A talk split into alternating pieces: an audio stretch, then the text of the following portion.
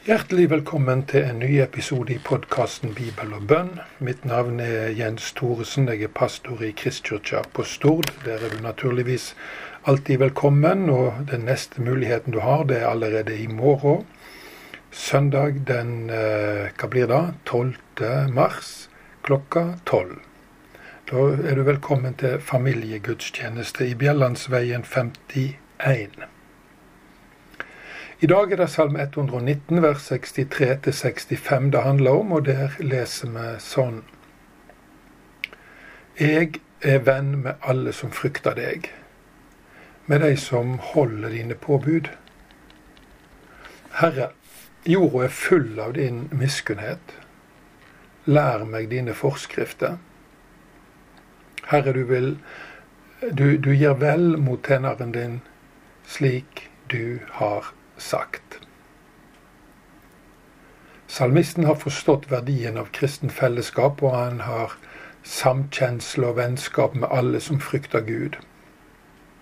Folk som har Den hellige ande, vil kjenne på dette.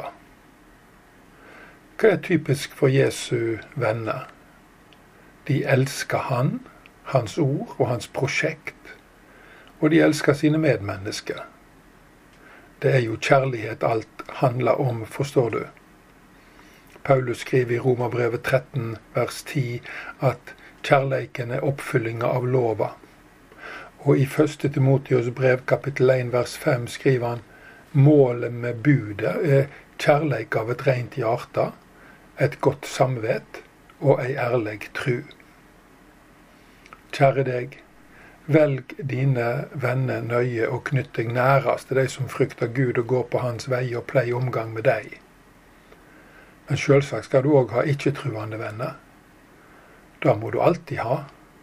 For det er en kjensgjerning at de fleste som blir vunnet for Kristus, blir vunnet gjennom truende venner.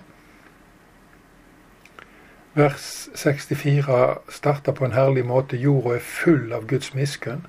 Miskunn betyr både nåde og tilgivelse, men òg handlende medfølelse. Denne nåden og varmen formidler han gjennom kirka si. Og kirka er verdensvid og forkynner og hjelper folk overalt der hun er.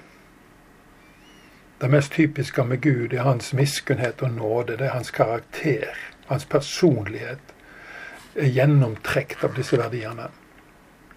Derfor er det ikke ett eneste menneske i verden som ikke han har innenfor synsfeltet sitt, og som han prøver å undervise i sine forskrifter.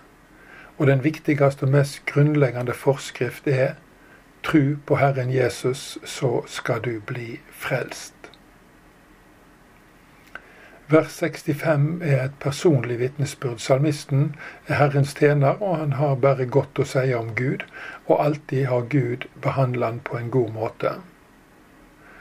David skriver jo i Salme 23 på slutten der at bare godleik og miskunn skal etterfølge meg alle mine levedager.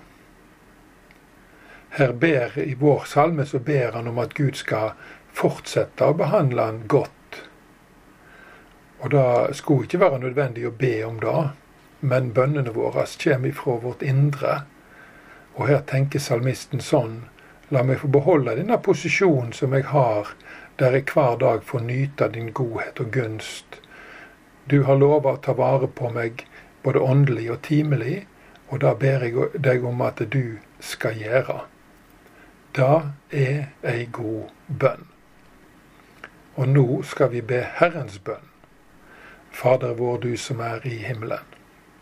Lat navnet ditt helgas, lat riket ditt komme. Lat viljen din råde på jorda så som i himmelen. Gi oss i dag vårt daglige brød, og forlat oss vår skyld, som vi òg forlet våre skyldmenn.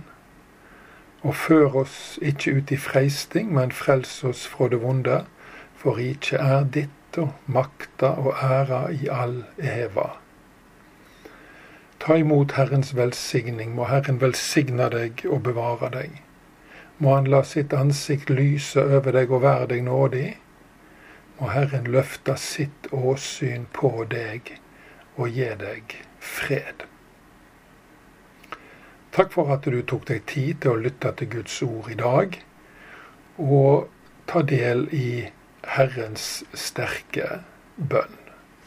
Ønsker deg fortsatt en god dag, og så får jeg si på gjenhør.